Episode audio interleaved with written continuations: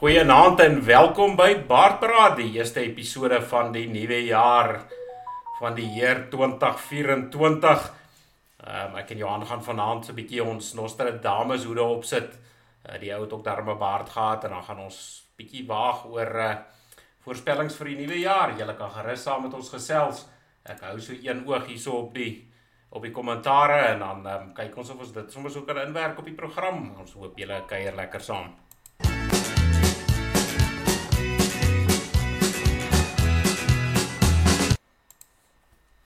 Goeienaand Johan en welkom daar aan daai kant van die Veilrivier. Nou Delwyn, eerteen vir die jaar. Ehm um, en uh vir die mense wat saam kyk, voorspoed vir 2024. Dink dit gaan 'n interessante jaar wees. Hoop uh hoop jy het uh daarom ten minste 51 uit die 52 programme die jaar dat jy dan so 'n week af het op. ja, Johan, ek moet sê ons was verlede jaar was so seker 'n bietjie Ehm um, ja, dit was ons eintlik ek dink seker die die jaar met die minste programme ons sal uh, ons sokkies moet optrek. Ehm uh, maar dit is nogal interessant as ou so terugkyk. Ek nou vanmiddag so vinnig teruggeloer. Um, ons is darmal 'n tydjie in die gang. Ou kan nie glo dat die tyd so vinnig met hou aanstap nie. Ja, dis dis interessant. Laas jaar was was 'n vinnige jaar as jy moet daaroor dink. Ehm um, ons is klaar weer in Januarie en in Januarie het sommer weggetrek met 'n spoed. Ek weet nie of daar nog mense lekker op verlof is en op vakansie hou nie maar die res van ons is al terug in die tuig. So ek uh, ek dink hy gaan net so so vinnig amper sê aan die gang kom. Ja, nee, hierdie jaar gaan met 'n spoed begin, maar Juba lê natuurlik weer voor. Ehm um, ja, so maand en halfweg, ehm um, die tyd stap vinnig aan en dan ja, van my Juba af is dit omtrent weer afdraande vir die jaar. Ek sien Renier ehm um, groet ook en hy sê voorspoed vir die vir die nuwe jaar. Johan, maar ek dink ons moet nou by die grootste nuus begin van ehm um, van die jaar ehm um, sien dan nou dat die program se naam Baardberaad is en ek sien ehm um, jy weet jy lyk amper weer so 'n skoolseentjie uh, daar by jou ek sien skeerseisoen het kom loop draai daar by jou weer in die begin van die jaar. Ja, ek sien jy sit daai foto van Nostradamus daarop. Toe dink ek nou dat jy daar in die baard vir dit vanaand. Ehm um, Weet nie hoekom het jy so volksvreemde figuur opsit nie. Om siener het dan ook 'n baard gehad en dan kan ons dalk bietjie meer kripties gewees. Dan sou Chris. Yes, like ek wou nou net vir jou gevra het so of jy nou die ou ken, maar lyk my uh, lyk my hy het jou ek, ek, jy moes seker op bakkiesblad gesien het anders um, sou jy die man seker nie herken het nie. Nee, Chris het my in Desember 'n boodskap gestuur. Hy sê vir my hy want hy weet ek skeer elke jaar Desember my baard af. Toe vra hy my wanneer doen jy dit nou want hy wil ook nou die jaar ehm um, maar ek het nie gedink hy gaan so naby aan die wang skeer nie. Ja nee, ek wou nou eers vir jou gevra het of jy die man ken, maar soos ek sê dit dit was nou nou vir net vir die mense wat nou nie weet wie's Chris nie. Ek is seker met die volgende prentjie gaan julle nou weet uh, wie dit is. Dit is die man met die lekker lang baard. Ehm um, hy het ook 'n lekker lang baard. Ek dink een van die bekende bekende bekender baarde in die volkskringe. Ehm um, so ja, die man lyk sommer ook weer soos 'n skoolseentjie. Ja, nee, Chris het Chris het regtig mooi skoon gemaak. Ehm uh, ek ek was verstom om te sien. Ek het eers eintlik half verby die video gegaan en uh ja, toe ek nou terug gaan te sien ek nee, Chris het Chris het hy lyk jonger, nê? Nee? Ehm um, weet nie ek uh, die die baarde laat ons ouer lyk. Ja nee, die die mense sê gewoonlik um, mos as jy nou geskeer het dan lyk jy baie jonger, maar ehm um, Jy weet ek ek het daarmee in Desember toe iemand op 'n stadium gesê nee, ek lyk dan nie heeltemal my ouderdom nie, jy weet, al het ek nou die grys streepies in die baard. So toe besluit ek ek gaan nou nie my baard afskeer nie, jy weet, want dan dink almal dalk ek is 25, jy weet, en dan gee hulle my nou die werk van 'n 25-jarige, so ek sal maar my baard hou. Jy sien dit is ook ook myne laat langer groei aan die einde van die jaar dat mense my 'n bietjie uitlos, 'n bietjie jammer kry. Johan, ehm um, Maar ja, hierdie jaar wat voor ons lê, ehm um, ek dink dit gaan 'n interessante jaar wees. Ek het nou so 'n bietjie vanaand gekyk na wat ander manne sê, party manne so 'n bietjie oor die ekonomie en ek sien nou ehm um, daai ouetjie hier van Pretoria af, ons ons ons grootste uitvoerproduk ou Elon Musk, hy het ook so 'n bietjie nou nie veel kwyt geraak nie, maar hy het ook so 'n bietjie gepraat oor oor 2024. Ehm um, wat dink jy lê vir ons lê vir ons voor? Kom ons begin sommer Kom ons begin sommer by die by die ekonomie. Ehm um, wat dink jy gaan die ekonomie maak? Alwen daar's niks wat ehm uh, die ekonomie gaan verander nie. Ek sien nie van die regering se kant af enige uh, van die regte geleide nie. Ehm um, met ander woorde, die druk op die middelklas gaan net aanhou. Meer belastings. Ek dink hierdie jaar omdat dit 'n verkiesingsjaar is, moet ons maar ons uh uh agtereen te fets meer want ek ek ek vermoed hulle moet iewers geld uithaal. Nou alwaar hulle kan geld uithaal is met belastings en dis gaan hulle hulle moes laas gepraat van daai ehm um, wat jy teruggekry het op jou mediese fonds, hulle wil dit wegvat na daai en HI wat ook al ding van hulle toe. Ehm um, hulle praat al lankal van welvaartbelastings. Ehm um, so ek vermoed op die einde van die dag is dit maar waar hulle gaan gaan opdruk vir meer geld, is belasting, so middelklas gaan maar weer swaar kry. Um, maar jou jou middelklas is on, onder ongelooflike ekonomiese druk. Ek nou weet hierdie maand toe die aftrekkings nou begin afgaan. Ehm um, toe sien ek weet al my paemente, jou medies, jou jou versekerings, hulle is als op. Uh en en dis dis bietjies bietjies maar as jy dit gaan bymekaar tel, is dan nou sommer weer 'n hele paar rand uit jou begroting uit. Um en ek neem aan dit is dieselfde in ander middelklas huise. So almal gaan daai druk voel. Nou waar kom daai geld vandaan? Daai ekstra geld wat jy nou moet betaal, waar kom dit vandaan? Dit kom uit jou vrye tydspandering uit, dit kom uit jou dieet uit, dit kom uit die geld wat jy ek wil amper sê seggenskap het om oor hoe om te spandeer. So die die en en, en ek is bekommerd veral oor die die mense wat geld geskenk het vir ehm um, jou jou noodlenigingsorganisasies of of vir 'n projek of vir vir iemand wat iets doen vir die kerk vir die die skenkings gaan weet ehm um, skade ly want mense het nie meer so baie geld om te skenk nie hulle moet nou hulle sente omdraai en en dit sit nou net verder druk op die hele stelsel want jy het meer mense wat behoeftig raak en minder mense wat kan gee. So weet ek wil amper sê die breër ekonomie in daardie trant. Ehm um, ek weet nie of daar of daar segmente van die ekonomie is wat beter gaan doen nie.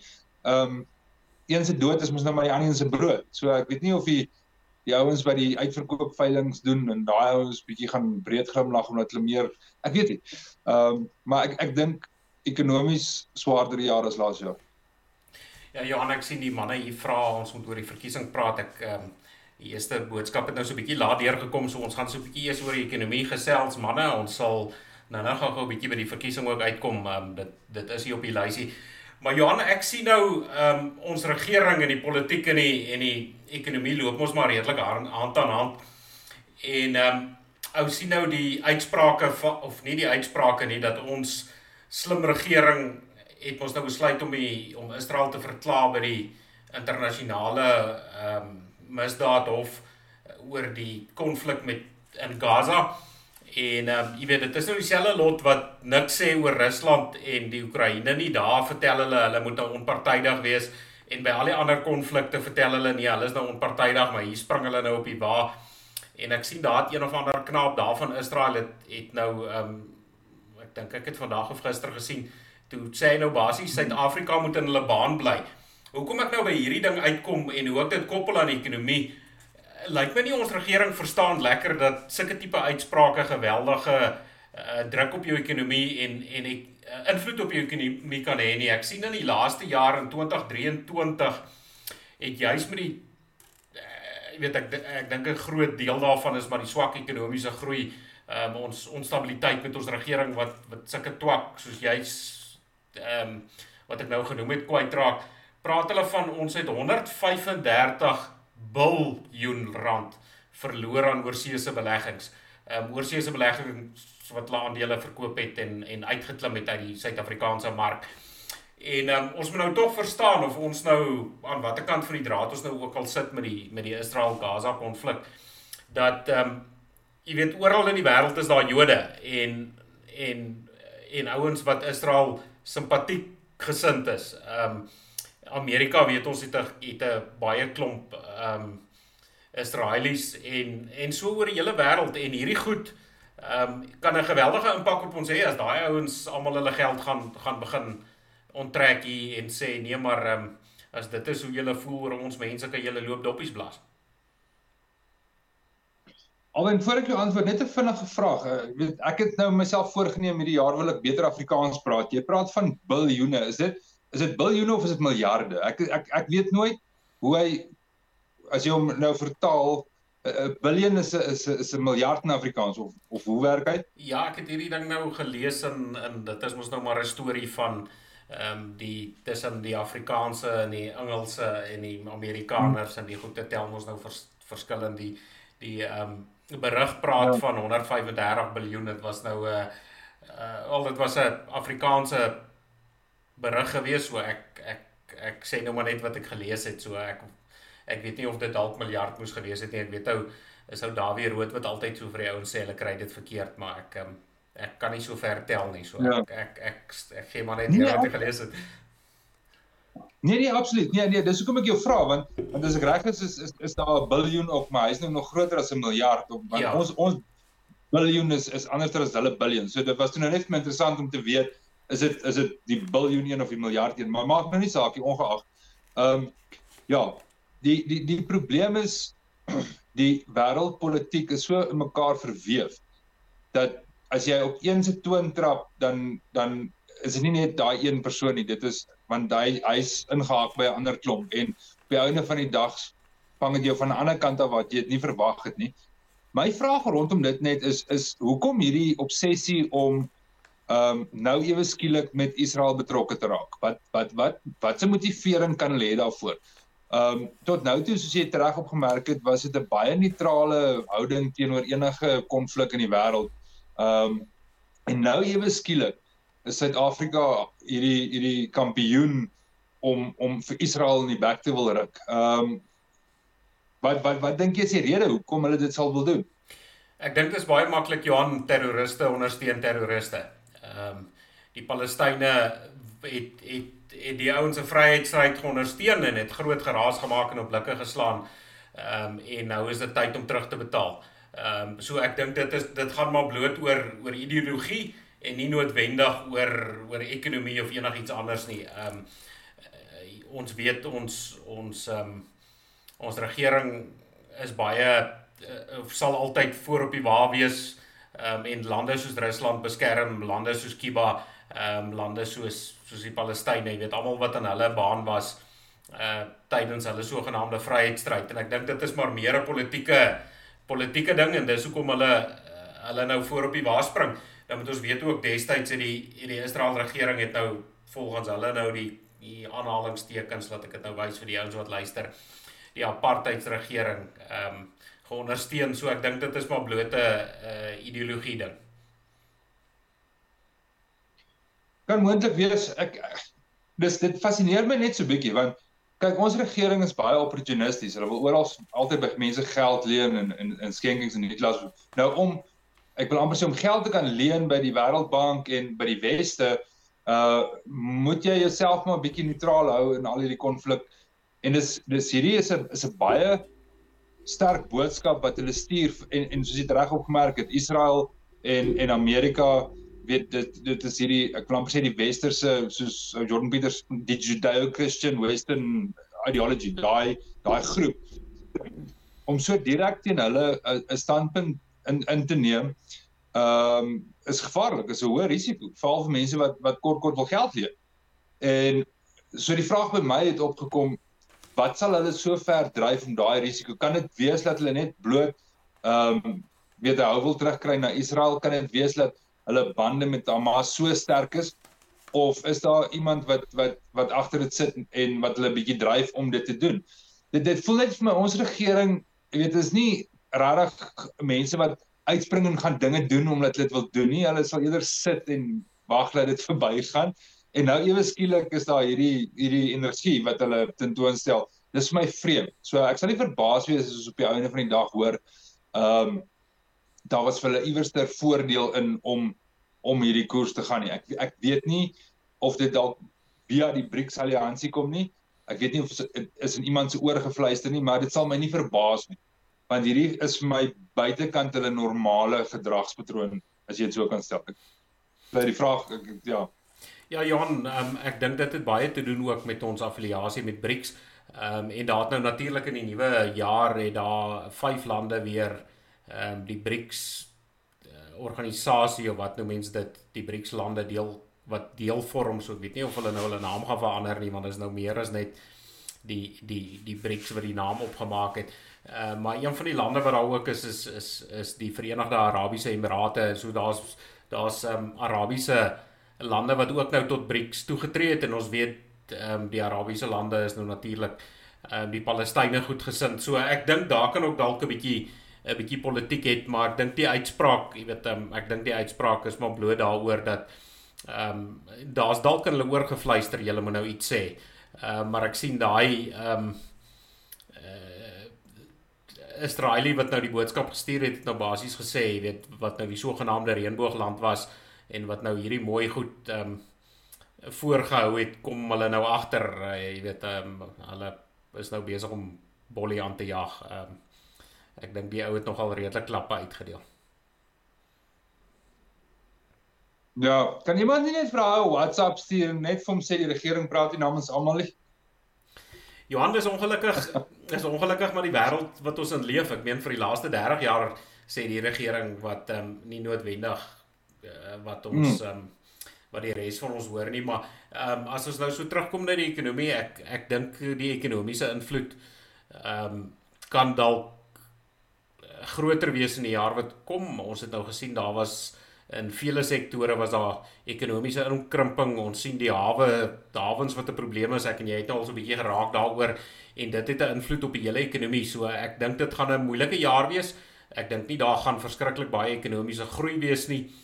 Ehm um, met ons sal nou nou 'n bietjie raak daaraan met die politiek dink ek die onstabiliteit gaan dalk 'n bietjie gaan dalk 'n bietjie meer wees as wat hy in die in die jaar was as mens ons ehm uh, met die politieke strominge. Ehm um, en dan met die landbou ehm um, is ons nou natuurlik in 'n in 'n El Niño fase. Dit beteken maar basies minder reën as wat ons die laaste klompe jare gehad het. En ek weet party van die van die mieliewêreld hier by my het um, jy weet redelik laat reën gekry so die ouens kon nie noodwendig vroeg begin plant nie. Hulle het maar gewag vir die reën. Um, ek weet nie wat se invloed gaan die reën hê op op ons oeskattinge en ons um, jy weet wat hoeveel kos ons gaan produseer nie.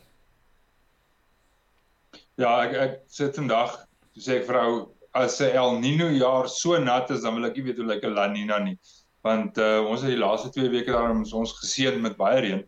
Ehm um, so ek ek vermoed die die oeskattinge gaan meer positief lyk as wat dit aan die begin van Desember was op 'n stadium met die ouens begin bekommerd raak.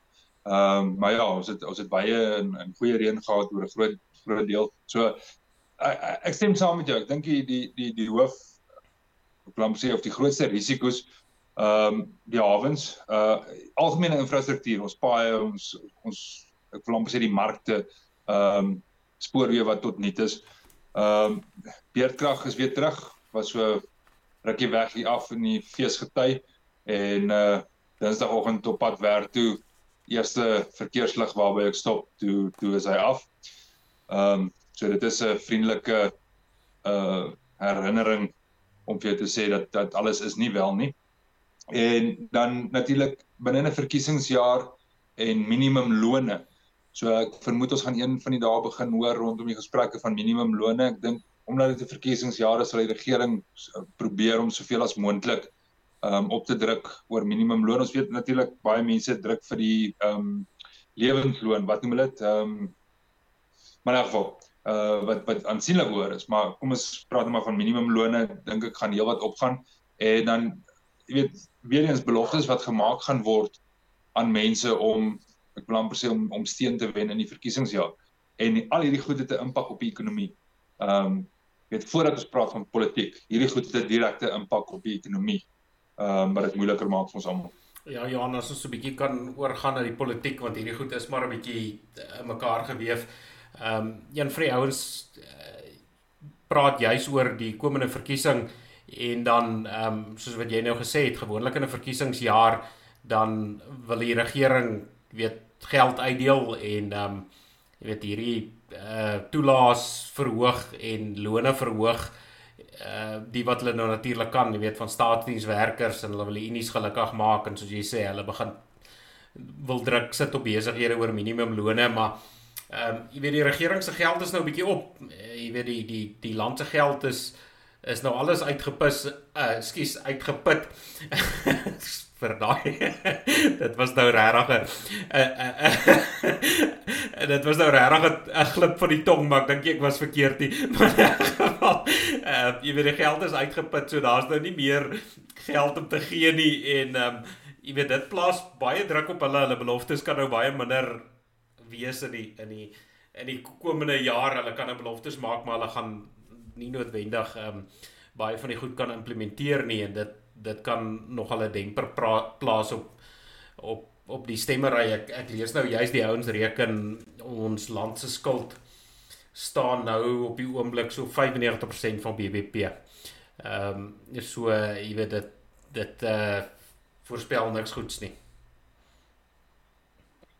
Ja, nou kyk as nou mense wat omsieners se werk volg en mense wat dit nie volg nie, ek wil nou nie daar ingaan nie, maar toe ek die eerste keer nou omsieners so goed gelees het, dis daar onder andere 'n stelling wat hy maak dat wanneer die boere die land terugvat, dan word al die skuld afgeskryf. Toe dink ek by myself nou, maar wat is die storie oor die skuld? Dat dat dit so belangrik is dat die ou oom dit gesien het in 'n visioen dat die skuld afgeskryf word. Ehm uh, nou goed, dit was seker 'n goeie 20 plus jaar terug wat ek die eerste keer van sy goed gelees het. En uh elke keer as hulle oor die skuld praat dan dan onthou ek die stukkie wat ek daai tyd so oor gewonder het, hoekom sou die skuld nou 'n probleem wees? Maar dis dis ongelooflik. Ek ek dink nie mense besef die impak van hoeveel geld ons skuld nie en ons het nie 'n manier om dit terug te betaal nie. Ehm um, daar is nie dit is nie ek dis onomkeerbaar. So maak nie saak wie oorvat by die ANC regering in terme van van politieke beheer nie uh hoe gaan jy die skuld terugbetaal? Hoe gaan jy hoe gaan jy onder daai hoeveelheid druk? Dis 'n bankrot boedel wat jy oorneem man. Dis 'n dis 'n bankrot plaas wat jy nou met niks moet gaan red nie. En ja, dit sal dit sal maar vinnige voetwerk vat om om iets aan te maak.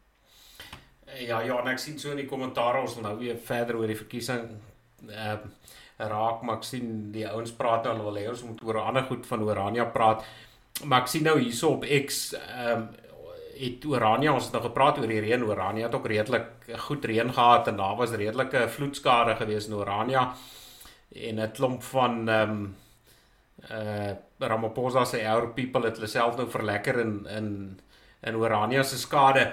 Maar as ou kan sien die paaie wat verspoel het en ek weet nou daar aan die oewer, jy weet die hele dorp het opgedaag en die hele dorp dorp het help plan maak en hulle het kanne gepak om water te kanaliseer en hulle het begin opvul in dieselfde dag is daar al klaar 'n groot klomp van die goed reggemaak. Ehm um, weet dan dink ek nou by my een van die hoofroetes ehm um, was so 'n bietjie skade op een van die brugge brugge gewees en dit het hulle nou so jaar gevat.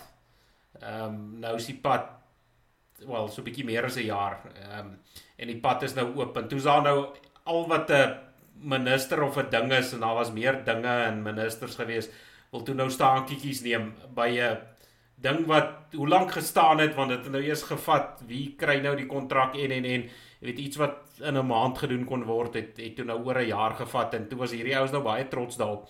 Ehm um, ek dink uh, hierdie regering van ons kan kan 'n paar lesse gaan leer by Orania. Jy weet ouens wat doen sonder sonder ehm um, noodwendig groot hulpbronne. Jy weet maar die wil om te doen en die wil om dinge te maak werk is definitief ehm um, in Orania teenwoordig. Al in die laaste paar dae het ek 'n gedagte in my kop oor die kortsigtigheid van ons mense. Ehm um, en dit gaan net klink asof ek weer by boere pik. Dis glad nie my intensie nie. Dit gebeur maar in elke faset van ons lewe, maar ehm um, baie keer is ons doelwit om die beste te wees in ons omgewing of in ons provinsie of selfs in Suid-Afrika. Kom ons vat stoetboerdery as voorbeeld.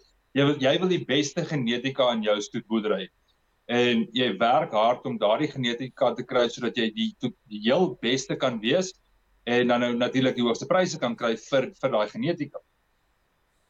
Hoeveel keer hoor jy boere of landbou georganiseerde landbou sê maar kom ons kry die beste genetika vir al ons boere in Suid-Afrika. En ons ons as boere van Suid-Afrika het die beste genetika in die wêreld die die idee om kom ons sê iemand wat wat wat mielies plant en en hy het 'n hy het 'n manier hy het 'n hy het 'n geheime resep of wat ook al hy het 'n manier hoe hy daai mielies plant en en hy hy stroop meer as enigiemand anders in die distrik en vir hom om sy advies en raad en kennis te gee vir al sy bure gaan nie 10 kg minder maak aan sy oes nie maar dit gaan sy bure se oes beter maak en dan produseer ons almal teen hoër gemiddelde opbrengste en die Suid-Afrikaanse boere is die beste in die wêreld met die hoogste opbrengs op droëland wat ook al die geval is. Ek gebruik nou voorbeelde en weet jy as my nie ek wil nie pik op die boere nie maar dis maklike voorbeelde om te gebruik. Ehm um, en dit was iets wat ek in Orania gesien het. Orania dit het nie gegaan oor die die die eienaar van die oewer of die mense van die oewer wat skade gehad. Die oewer is deel van Orania en die mense van Orania besef dit en vir Orania om Orania te wees het hulle 'n plek soos die oewer nodig en die die oewer het 'n rol en 'n funksie in Orania en daarom is dit my voorreg of my verantwoordelikheid of my ek weet nie wat anders moet jy dit noem nie maar dit dryf my om te sê wanneer die oewer skade kry gaan ek gaan help want my hulp aan die oewer is my hulp aan Orania is my hulp aan myself is my hulp aan my volk.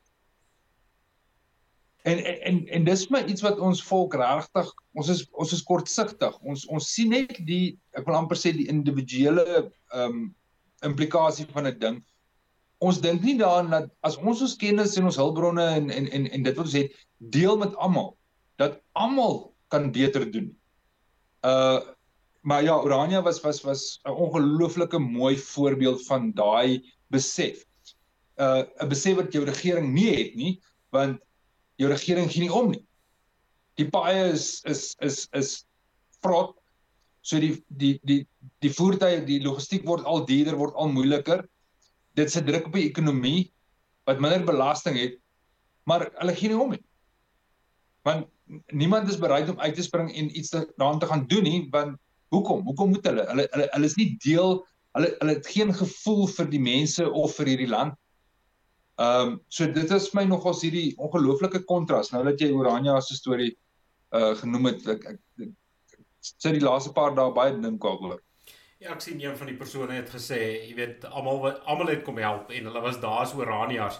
Dit selfs ouens wat ehm um, met mekaar verskil oor kerk en politiek en ehm um, jy weet hmm. kwaad is vir mekaar of wat ook al ehm um, toe die krisis daar is toe word daar saamgestaan in die dorp en die dorp los die krisis op as 'n uh, eenheid. Ehm um, en dit was vir my dit was vir my 'n uh, een van die beste dinge hier van die nuwe jaar, een van die beste stories gewees. En ek dink die ouens wat toe nou gal gebraak het oor die vloede ehm um, ek dink hulle uh, hy kan ek ek hoop as hy daar by sy hek uitry en hy ry in die eerste glas slaggat in ehm um, jy weet dan dan dink hy oor ehm um, daai manne wat so saam staan en wat iets maak van van baie bietjie. Maar nou dink ek ook mooi oor die oor oor oor hoe goed werk in die lewe. Die persoon wat opgedaag het by Orania by die oewer om te gaan help sandsakke pak. Hy het gegaan om te help sandsakke pak. Maar die feit dat hy dit gedoen het en nog ander ouens dit gedoen het, is so treffend dat ek en jy vanaand in die Vrystaat en in die Transvaal sit en gesels daaroor oor hoe ons opkyk daarna, oor hoe dit ons inspireer, oor hoe dit 'n behoefte is vir ons om deel te neem aan dit. Jou sandsak wat jy pak, man, dis sand in 'n sak. Inspireer mense duisende kilometer verder om dieselfde te wil doen. Uh, dit dit is 'n ongelooflike gedagte. Want daar's baie mense daar buite wat voel die bietjie wat ek doen, die bietjie sand wat ek in my sak gooi, maak nie 'n verskil nie. Dit doen. Dit dit doen. Ons moet net genoeg mense kry om dit te doen. Ehm um, ek weet nie of jy weet wie's Idan Abolnik nie. Ehm um, daai Kala gevegsisteem wat op 'n stadium redelik gewild was. Hierso was 'n paar instrukteurs in die Vrystaat ook gewees. Ehm um, Idan het baie moeite gedoen met die boere veral. Hy het uh, sulke opleidingssessies gehad. Maar ek het eendag met hom 'n onderhoud gehad. Toe vra ek hom maar weet hoe werk jy goed aan Israel? Toe sê hy nee, dit is maklik. Hulle wat in Israel is, hou daarvan om met mekaar te beklei. Hulle hulle hulle hou daarvan om te sit en stry en debatteer en argumenteer. Hulle hou so baie daarvan dat wanneer iemand hulle hulle die geleentheid bedreig Met ander woorde, iemand bedreig Israel en bedreig hierdie geleentheid wat hulle het om mekaar te stry. Dat hulle al stop en daai bedreiging gaan uh aanpak saam sodat hulle kan terugkom en die geleentheid verder kan benut om mekaar te argumenteer. Um nou die ding het ook in my kop vasgesteek, maar dis presies wat jy sê. Wanneer die krisis daar is, ongeag um ons verskille oor politiek en geloof en en en, en wat se kerk en en wat se organisasie en al die klas van goed. Um die vraag wat ons mekaar moet vra in 2024 is kan ek jou my my volksgenoot en my broer noem ongeag ons verskille. Nie as gevolg van die paar goed wat ons ooreenstem nie. Kan ons kan ons kan ons mekaar respekteer ongeag die feit dat ons mag verskil oor een of twee goed. Ehm um, jy weet kan ons mekaar daai bietjie gun daai daai bietjie verskil gun Johan, um, ja, kom ons praat nou oor die politiek en ek dink dit was nou positief van al die Oranjaars. Ek weet daar so hier en daar Oranjaar wat ons program kyk. Uh, baie dankie dat julle voorbeeld vir die res van ons is. Um 'n dorpie met met 'n paar inwoners wat um die ander stede wys hoe dit gedoen moet word en hoe daar moet saamgestaan word. Oor die ons sien nou ons het sit nou in 'n jaar hier wat um verkiesingsjaar en verkiesingsjaar is gewoonlik rof. En um, ek dink daar's redelik baie te sê oor die oor die politiek en ek het nou so agter die skerms sien ek daar gaan baie in in ek ek weet nou mense dit boerepolitiek kan noem. Ehm um, maar maar dit gaan redelik baie in die in die politiek gaan aan. Ek ek het nou so vanaand voor die program probeer kyk wanneer is ons verkiesingsdatum maar lyk my nie hy's bekend gemaak nie so dit kan enigiets ek dink van 21 Mei tot ehm um, tot Augustus maand iewers in daai tyd geleef moet die verkiesings plaas moet die verkiesing plaasvind volgens ons grondwet. Nou as ons daar kan begin Johan, ehm um, dink jy die ANC gaan dit eerder vroeër wil doen of eerder later wil doen? Jo, is 'n moeilike een. Ehm um, hulle sal dit definitief wil kans gee om genoeg beloftes te maak. So ehm um, hulle sal hulle sal by die begroting wil uitkom ek ek is nie seker oor hoe hoe die ANC se finansies op die oomblik nie want kyk 'n verkiesing kos maar geld dis maar TMP's en kospakkies wat gekoop moet word.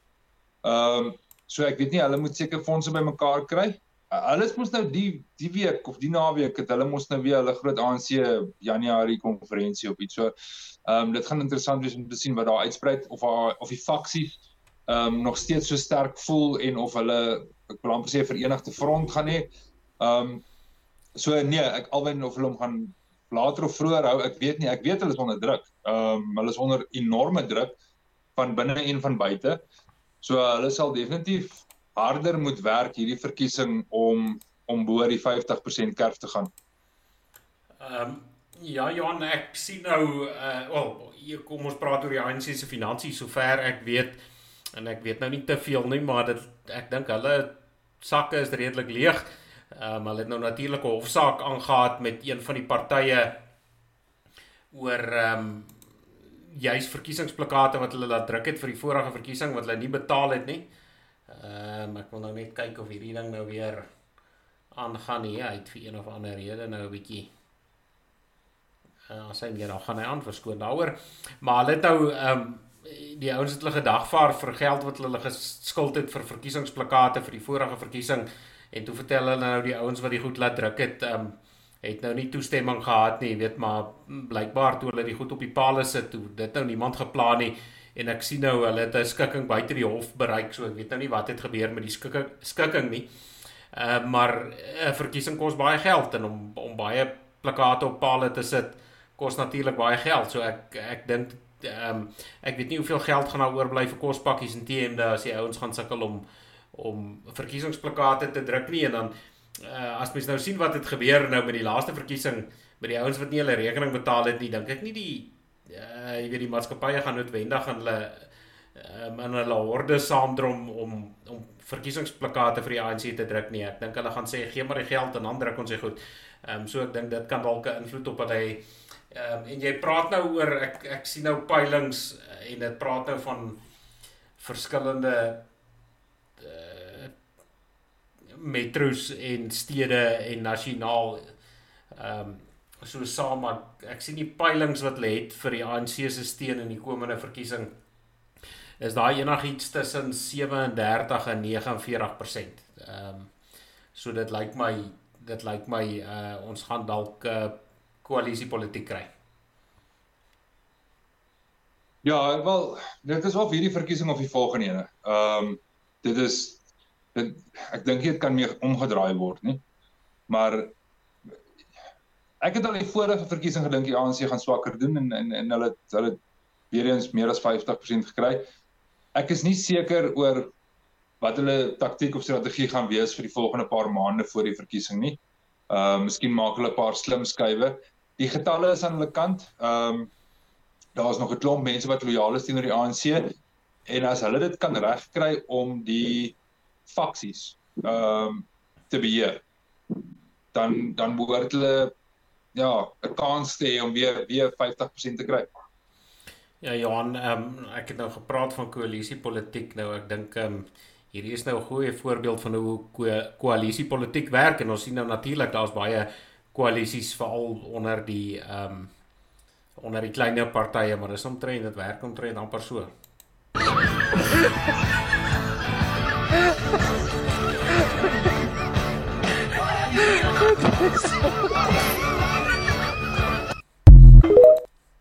Ja, dis nou dis nou omtrent hoe hoe koalisie politiek uh, werk maar ons ja, ons ek dink ons gaan baie meer van dit sien. En ek weet die ANC was nou nog nie regtig onder druk gewees om hulle te bemoei met koalisiepolitiek nie. Ehm um, maar dit kan dalk verander. Ek meen as hulle gaan begin steen verloor en en ehm um, plekke, vreedplekke by die krib gaan begin mis, ehm um, gaan hulle dalk begin kyk om beheer te hê in 'n klomp stadsrade dat hulle kan kan saamwerk. Ehm um, watse invloed dink jy gaan ons sien nou Zuma wat nou sê hy het sy nuwe of ehm um, korrupsievry oh, dit was vir my verskriklik snaaks natuurlik party wat hy nou sê hulle gaan korrupsie beveg ehm um, geloods want hy sê hy kan nie vir die ANC stem nie en hy noem hulle Mkonto Wesizwe en die ANC is nou natuurlik baie die die hel en daaroor en die voormalige gewapende vleuel van die ANC is ook nie dik van die lag daar nie en ek sien hierso op Twitter of is nou X het die een gepraat van hoeveel miljoene stemme hulle het ek het nogal gelag want um, daar's amper nie soveel kiesers nie ehm um, so uh, hy seker by Zuma leer tel. Maar ehm um, watse invloed dink jy gaan hierdie nuwe Zuma party op die ANC se steun hê? Ehm As ek reg verstaan in Natal is is Zuma nog baie gewild. En die die die ek wil amper sê Inkatha stemmers bly by Inkatha maar die die ANC stemmers in Natal klink my is die is die groot ding wat wat hy kan dalk seermaak. Ehm um, lyk like my is redelik gewild in, in onder die Zulus wat ANC gestem het. So dit kan interessant wees. Onthou op die einde van die dag Suid-Afrika nog steeds 'n uh, groep verskillende volke en Zuma is het het ek wil amper sê 'n uh, 'n uh, kulturele steenbasis. Hy was goed vir baie van hulle en en hulle onthou hom en en en hy het sy ondersteuningsbasis wat ek dink waar dit vir die ANC makliker gaan wees is ehm um, as as Zuma 'n tipe van 'n radikale party daarstel, dan gee dit die EFF kiezer twee opsies. Uh, so hy hoef nie noodwendig EFF toe te gaan nie of veral die ANC ehm um, kiezer wat wat nie noodwendig by die EFF wil opeindig nie, het nou Zuma se party om uh, te oorweeg. Ehm um, So ek dink hulle gaan dalk 'n klomp mense wat nie ANC meer sou gestem het nie wat EFF toe sou gaan uh wat hulle gaan vang in hierdie in hierdie Zuma party. Ek dink dit is dalk een van die uitkomste wat kan gebeur. Rondom getalle, ek weet glad nie hoeveel steun het hy nie en en, en hoe noemenswaardig dit gaan wees nie, maar dink nou net as hy as hy in die parlement weer terug gaan um in die banke sit as 'n uh, onder 'n ander vaandel. Dit sal nogals interessant wees om te sien. Um ek dink 'n klomp mense gaan erg ontnigter word deur koalisiepolitiek. Ek dink daar is baie mense wat nog steeds glo dat koalisiepolitiek die regte reënboog is en dat dit gaan werk vir Suid-Afrika. Ehm um, druk vas jou hoed want eh uh, koalisiepolitiek gaan baie erger wees as wat die ANC was.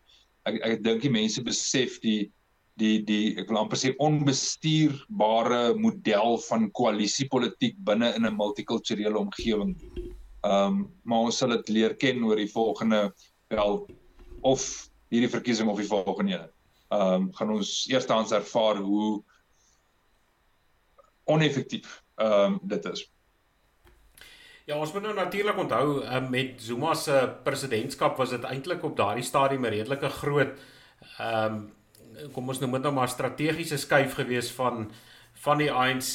Zuma's natuurlike Zulu en um, met Zuma se presidentskap of of sy voorstoot in die ANC was daar op daai stadium 'n geweldige klomp steun wat voorheen by die Inkatha Vryheidsparty was wat nou natuurlik oorwegende Zulu party is wat toe weggeneem is ANC toe agter Zuma aan.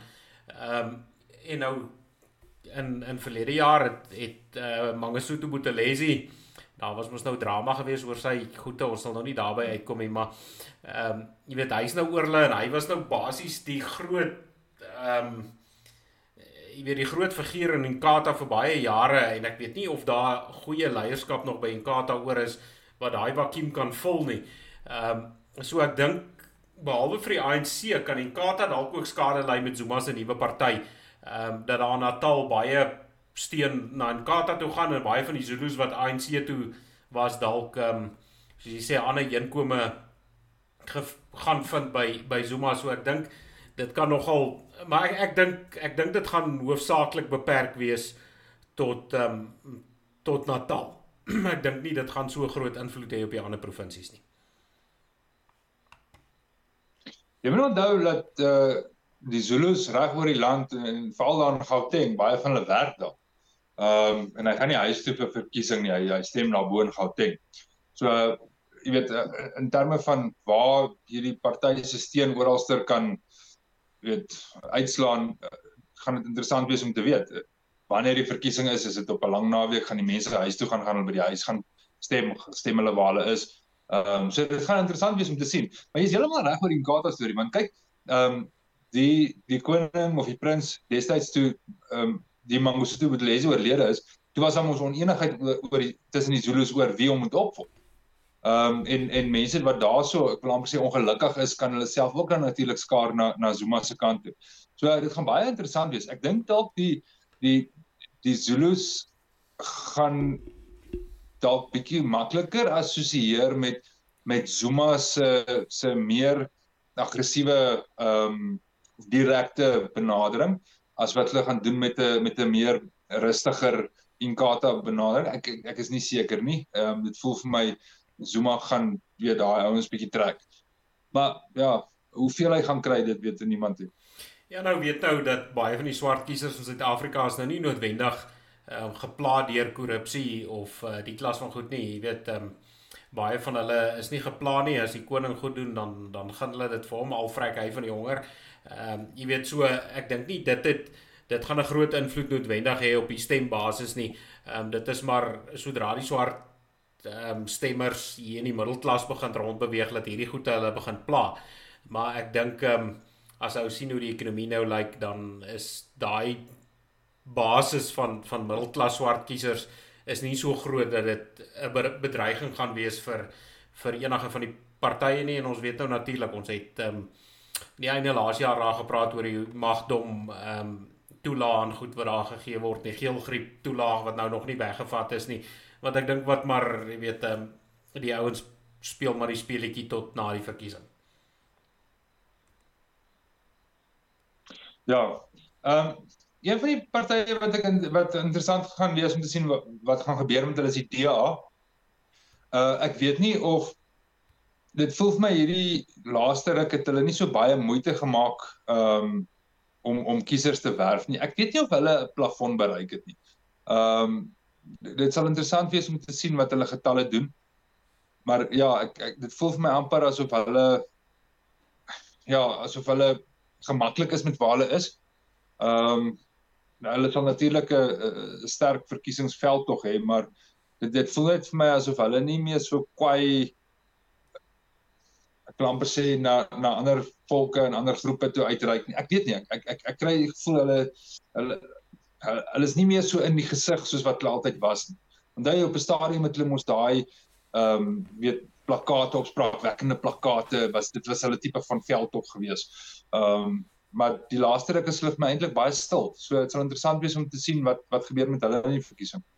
Ja Johan, ehm um, ek dink die DA ehm um, ek ek het nou so vinnig gekyk daartoe reken hulle die ANC se stem of die DA gaan nou hierdie groot ehm um, jy weet in die verkiesing so baie goed doen en en en en maar ons weet nou natuurlik dat ehm um, jy weet voor elke verkiesing vertel elke party nou natuurlik ehm um, wat hy gaan doen en hoe hy dit gaan doen en uh jy weet daarvan kom dadels. Ons het nou in die laaste verkiesing daarvan gesien. Die DA het, het eintlik steen verloor ehm um, aan die aan die ehm um, aan die Vryheidsfront se kant. En ek dink ek het dit al genoem op die program. As ou gekyk het na die vorige verkiesings se uitslaa dan het ehm um, die persentasie wat die ANC slegter gedoen het as jy nou nie na persentasies kyk jy kyk nou na hoeveel uit stemme het die EFF gewen. Ehm um, so die ANC het aan die EFF afgestaan en die DA het aan die Vryheidsfront afgestaan.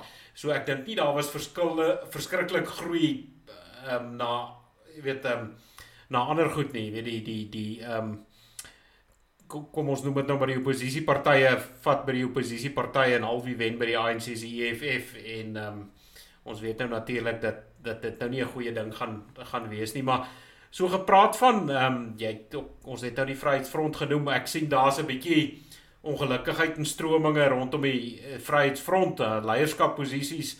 Ehm um, ek het nou maar net so die buitelyne gehoor van die saak maar lyk my ook nie hulle is heeltemal ehm um, hoe sal mense dit nou noem ehm um, heeltemal probleemvry in 'n verkiesingsjaar nie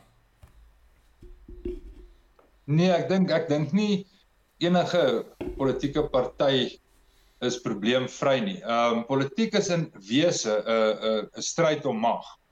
En dit maak nie saak wie jy is nie as jy as jy politieke ambisie het, ehm um, of jy dit nou op wijksvlak het of of jy dit nou op distriksvlak het, maak nie saak jy wil nou nou natuurlik uh, weet opgaan in die organisasie. En uit die aard van die saak daai onderlinge kompetisie tussen leiers vir leierskapsposisie want ons weet ook Pieter gaan af.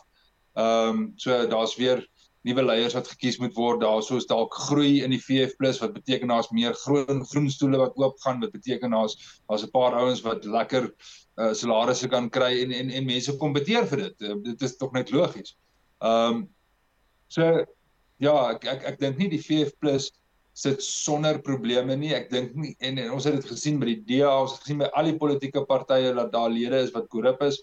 Ehm um, daar was nou bespiegelings in die koerante gewees oor oor verskillende partye se ouens. So by einde van die dag, ehm um, kyk jy's mos 'n ou wat wat groot is op binne parlementêre politiek, wat ek Tian se mooi woord. Ehm um, ek ek ek ek, ek, ek dink dis jy wat vandag gesê het, jy weet op die einde van die dag politiek is 'n is 'n is 'n spel binne in 'n varkhok. Ehm um, en en jy kan nie inklim en dink jy gaan skoon bly nie. Dit is politiek is is is 'n uh, is 'n is 'n ander soort spel. Ehm um, so ja, ek weet nie. Ehm um, kom ons los dit daar vir nou. Ja, nee, ons ons kyk maar wat gebeur soos ek sê ek ek wil nou nie dis hoekom ek nou so buitelyne ook praat. Ek gee nou nie die al die binne stories nie. Ehm um, jy weet ek wil nou nie op hol gaan met iets uh, wat ek nie noodwendig uh, van die die al die goeie van weet nie so ek ek wou dit maar net so in die verbygaan noem ek sien nou ekskuus ek soek nou net hierso ehm um, dink is Johan wat gesê die mense gesels lekker saam ehm um, Johan so ek dink dit was uh Johan van der Sand wat gesê het ekskuus die die kommentaar loop nou so vanaf verby en as ek en jy gesels dan vang hy se oë dit nie noodwendig nie, maar hy sê hy voorspel met die ANC wat dan uh, onder 'n 50% gaan kry dat ons moontlik kan kan koalisiepolitiek vir ons um, Julius Malema as visiepresident gee as die ANC en die EFF 'n koalisie vorm. Ehm um, dink jy daar's dit kan gebeur? Ja, absoluut. Absoluut. Julius Malema gaan iewerster of onder visiepresident of president word van Suid-Afrika.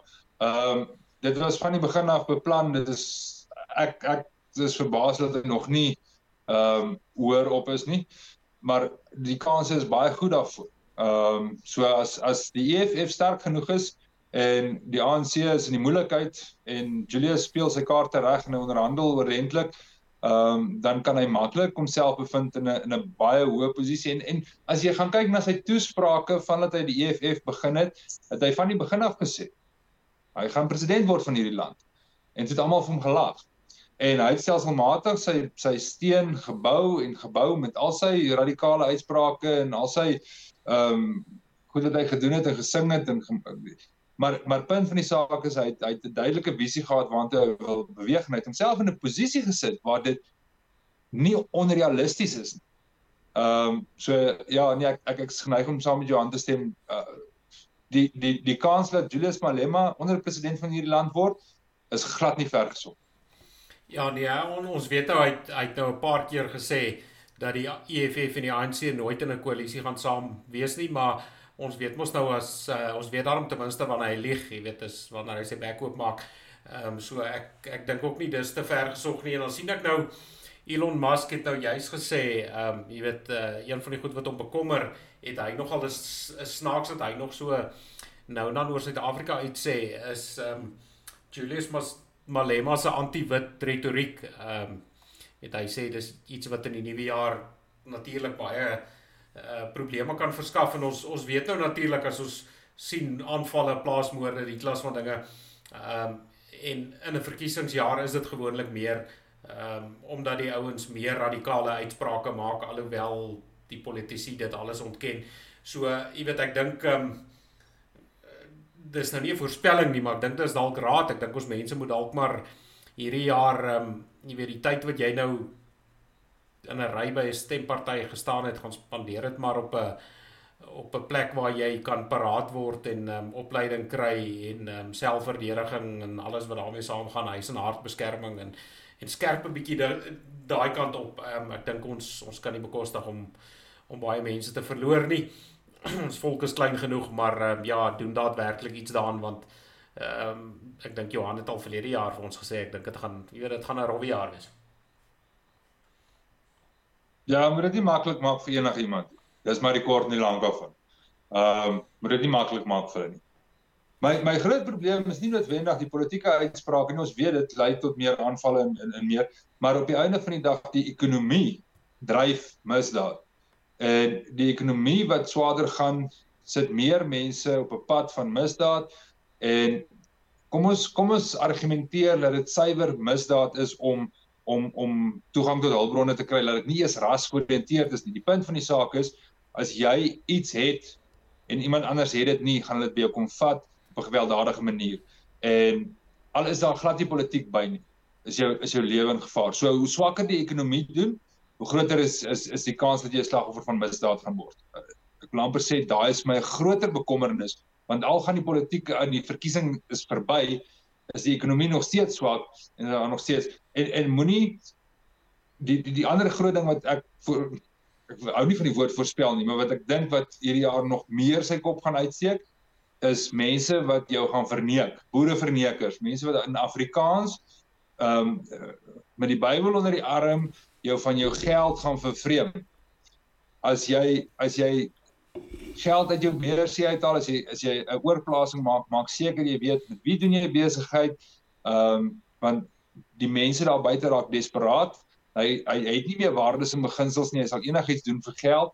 Ek sien al meer goed op bakkiesblad van van ehm um, ons mense wat ons eie mense verneek. Nou dit dit daar's daar's vir my geen groter skande as as as jy dit in jou eie mense doen nie. As as iemand dit aan jou doen, dan kan ek dit nog al verstaan, maar as ons dit aan onsself doen, dan dan sit 'n teken van beginselloosheid in in 'n omgewing van weet waar waar waardes nie meer uh, toegepas word nie. Maar besop vir dit. Ek dink uh, baie mense gaan met slenters gevang word hierdie jaar. Ehm uh, die ouens al buite is is is op soek na 'n paar sente. Ja, ek sien hier in die omgewing was daar nou juis 'n waarskuwing gewees van die mense wat by werkershuise gekom het en wat gewapen was en gevra die ouens moet oopmaak, hulle wil na die basehuis toe gaan. Ehm um, so die ouens kom nie meer soos in die verlede net om te steel nie. Hulle kom gewapen so wees paraat. Ehm um, net so mhm. vinnig ehm um, Johan vra hier of of hy sê jy sê ek jy moet eintlik crackers vir Kersfees koop. Ek sê nee Johan, jy moet 'n metaal belê soos lood. Ehm um, jy weet ek dink dit is altyd 'n goeie dis altyd goeie raad. Ehm um, en dan Rick sê bendes gaan groter word na mate werksgeleenthede verminder. Ek dink hy ek dink hy vat dit saam. Miskien Johan, ek wil net so vinnig hier deur die um, kommentaar. Ek sien ons tyd loop nou uit so verskoon nou as ek as ek nou daar vanaand deur hardloop, ek sien iemand het gevra wat sê ons oor Boetelesi by die Voortrekker Monument. Ek dink ons ons gaan nie vanaand nou tyd hê daarvoor nie. Ons is nou besig met voorspellings en dan was daar 'n ander paar goeie so um, ek lees julle kommentaar hier met die een oog. Ons kan net nie by alles uitkom nie. Die die tyd gaan ons vang. Johanna, as ons 'n bietjie oor die water gaan, ek dink iets van die iets wat ehm um, nie noodwendig direk op ons impak het nie, maar wat indirek op ons impak het is natuurlik die Amerikaanse verkiesing, ehm um, die Amerikaanse voorverkiesing of soos hulle van praat is die primaries ehm um, vir die kandidate vir ehm um, die uh Republikeine is redelik op dreef. Ek weet hier in Januarie begin die goede nou redelik gebeur daar by hulle. En 'n paar van die state het nou gesê Donald Trump ehm um, kan nie op die stembriefie verskyn nie want daar was 'n klomp klagtes teen hom en hy beveg dit nou natuurlik in die hof en een van die state het nou al klaar pak slag gekry en hulle moet hom terugsit. Um lang storie kort. Kom ons begin by die voorverkiesing. Want dit is voorverkiesing en dan ek dink hier in November is hulle is hulle presidensiële verkiesing. Um wie dink jy, ek weet nou nie op hoogte is jy van die goed nie. Um wie dink jy gaan die kandidaat wees vir uh vir die Republikeine? Um dink jy dit gaan weer Trump wees? Alwen ek is nou regtig so ingelig op Amerikaanse politiek nie. Ehm um, die bietjie wat ek weet en die bietjie wat ek lees, Trump het 'n manier om mense se aandag aan te gryp uit 'n uit 'n ek wil amper sê jy weet 'n gevoel rondom hom. Ehm um, en ek dink ek dink al uit groot steen. Ek dink enige iemand sal 'n fout maak om om om hom te onderskat. Uh of hy volgens die wetgewings kan staan in al die state en en en kan deelneem. Dit weet ek nou nie. Ek ken nie hulle wetgewings so goed nie. Ehm um, maar ja, ek dink ek dink Trump gaan dit nie net vat nie. Ek dink hy gaan beklei.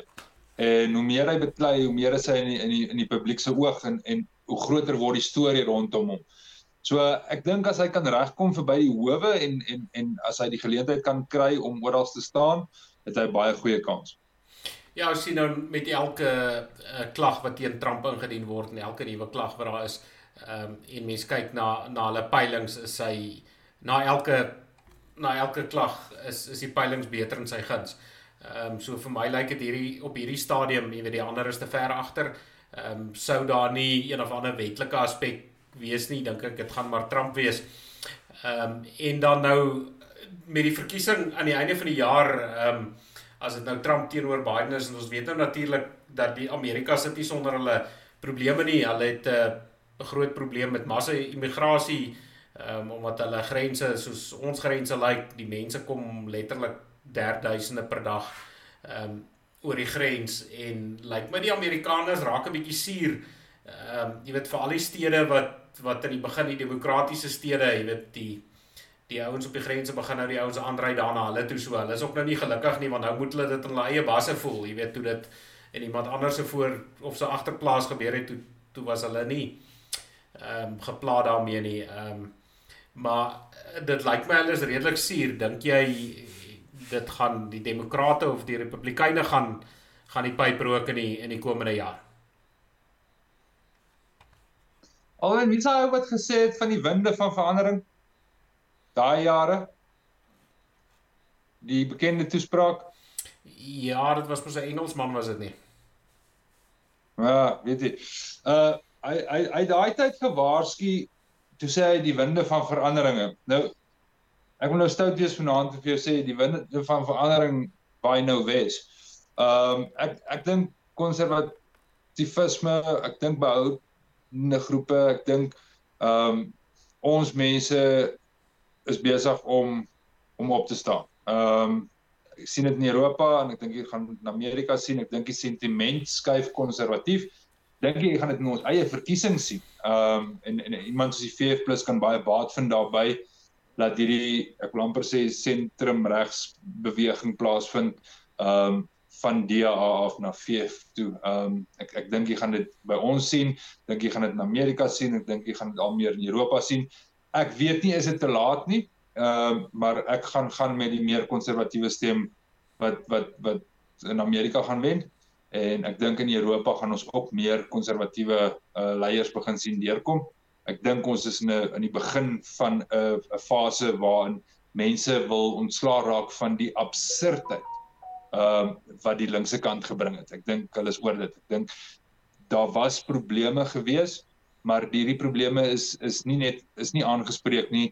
Dit wat nou op die oomblik op die tafel is en die politieke verwagtinge van die linkse kant is nie volhoubaar nie, is nie sinvol nie, dis absurd.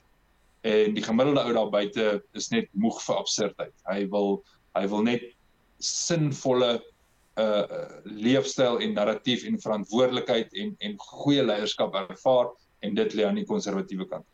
Ek sien nou Rob sê die ou wat uh, die toespraak gelewer het was Churchill. Ek weet nie, ek het na Churchill opgehou luister vandat hy gepraat het. He swam the mighty Apis River. Um, jy weet dan weet jy daai blerry Engelsman lieg. Ehm um, maar Johan so gepraat van buitelandse politiek nog steeds.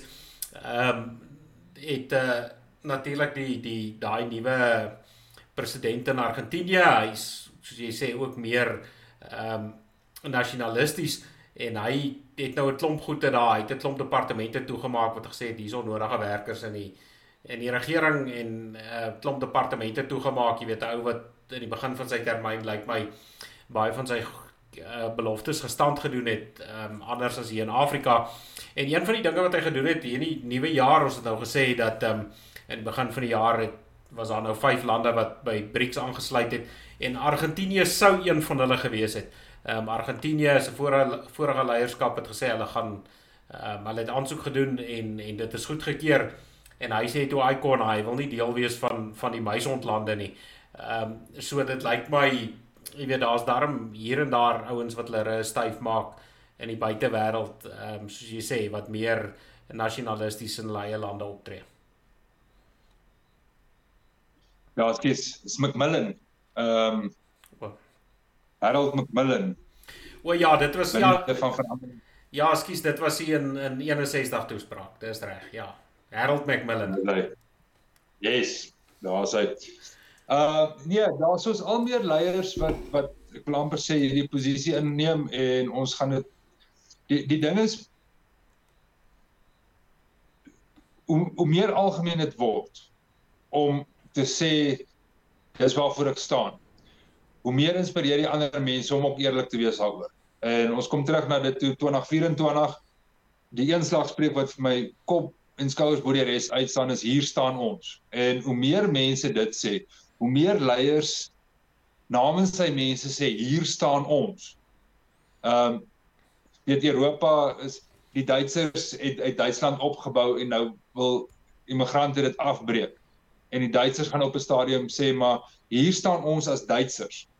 En en en ons is moeg daarvoor. En ek dink daai daai sentiment is iets wat ons in ons harte moet dra en en en uitskree is hier staan ons en dit is nie 'n uh, uh, ek wil amper sê 'n uh, politieke ideologie nie. Dis net 'n eerlike waarheid. En as as die waarheid die dryfveer is agter ek wil amper sê politieke momentum, dan kan ek nie sien hoe dit gekeer gaan word. So ek ek is baie opgewonde oor die jaar. Ek dink groter geloftefeeste, ek dink moeiliker maar beter gesprekke. Ek dink regtig dit is 'n se wat geskit gaan word. Ehm um, ons ken die ou sê ding van when the going gets tough the tough gets going. Daai tipe van houding. Jy weet dis 'n boerejaar. Dit gaan 'n moeilike jaar wees, maar aan die einde van hierdie jaar gaan jy 'n beter idee hê van wie se jou mense en waar ons op pad. Ehm um, en dit maak my opgewonde vir die jaar. Ons sê ja, dankie Johan op daai noot. Ehm um, ek wou nog by die by die volk uitgekom het, maar ons ons staan staan nou al weer oor 'n uur so. Ehm um, ons het nou hopeloos te lekker gesels vanaand. Ehm uh, maar ja, ek ek hoop ons sien die sien die mense, soos jy sê, sien die manne by die volksfeeste. Die eerste een is natuurlik maar Juba so begin so lank jou kamp goed reg reg pak en jou reënjassies en jou waterstewels, val jou waterstewels. Ehm um, en ja, nou wil ek net so daarom so vir oulaas net vir ons mense sê ou Rolfie het ons so daarom nou mooi verduidelik van wat 'n uh, mens van politici moet glo. Ehm um, So kom ons sê kyk hierso so hou dit maar in gedagte as jy nou van die ouens is wat in 'n ry gaan staan hierdie jaar um, om 'n kruisie te trek dan um, het Rolf deels bietjie sy wysheid. Wat die, wat die politiek aan betref het 'n mens baie keer beloftes gemaak dat jy geweet dit nie kan waar word nie. Dit is so. En alle politici is so. Ah, sê ek um, dit was net so vir uh, vir almal ja, soos jy nou gesê het Johan. Uh, daar daar maak ek lig hang my onderrok seker nou 'n bietjie uit. Hoor jy so daai daai Hannes wat daai onderhoud voer lyk like, skoon verbaas. Ehm um, ek hoop nie die mense is ook so verbaas daaroor nie. Dit behoort dan nie nuwe nuus te wees nie. Ek wil net nog een voorspelling maak vir 2024. Kyk, ons kan nou verkeerd wees oor alles, maar oor die een is ek reg. Ek voorspel dat iewerster gaan baardberaad episodes oor 'n uur gaan. Ehm um, en ek dink ek is redelik veilig op daai voorspelling. Hey Johan, ehm um, verlede week of nie verlede week se nie, maar die vorige program het hier uur 20 toe gehardloop en ons staan nou al klaar by uur 6. So jy weet jy jy dit dit het nou nie dit is vat nou nie 'n bruinse rug nie, maar um, ja, ou gesels baie keer so lekker.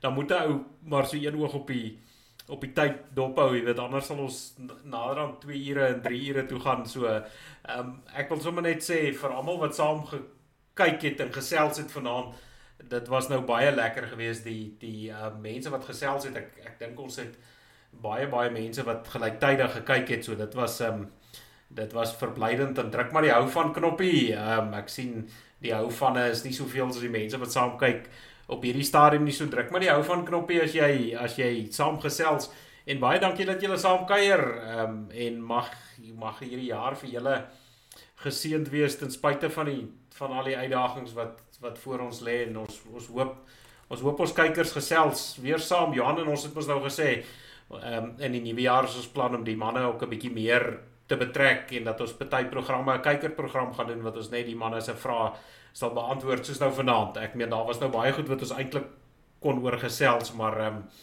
weet ongelukkig het vanaand nou 'n bietjie meer struktuur gehad as die ouens op 'n op 'n kykerkuier program gaan saamgesels. Ehm um, dan kan ons 'n bietjie raak aan die aan die vrae wat hulle nou vanaand gevra het. Ja, ek sien uit na na 'n goeie jaar en en na interessante interaktiewe programme. Ek dink 'n uh, klomp mense daar buitekant het het goeie idees en het, het interessante benaderings en ons wil dit deel maak van die program. Dit is tog wat dit lekker maak. Um om om om verskillende gedagtes te hoor en fokuspunte en al hierdie lekker goed en uh ja, van my kant af ook ek uh wens vir almal 'n voorspoedige 2024 voor. Ek uh ek ek hoop nie vir julle vir 'n maklike jaar nie. Ek hoop julle vir 'n goeie jaar en uh dat jy die die genade en die krag sal hê om te doen wat jy moet doen wanneer dit gedoen moet word. Ja nee, ek dink dis mooi wense Johan, baie dankie. En dan van my kant af vir die eerste keer hierdie jaar is dit soos ouer gewoonte, alles van die beeste in groente op die plaas.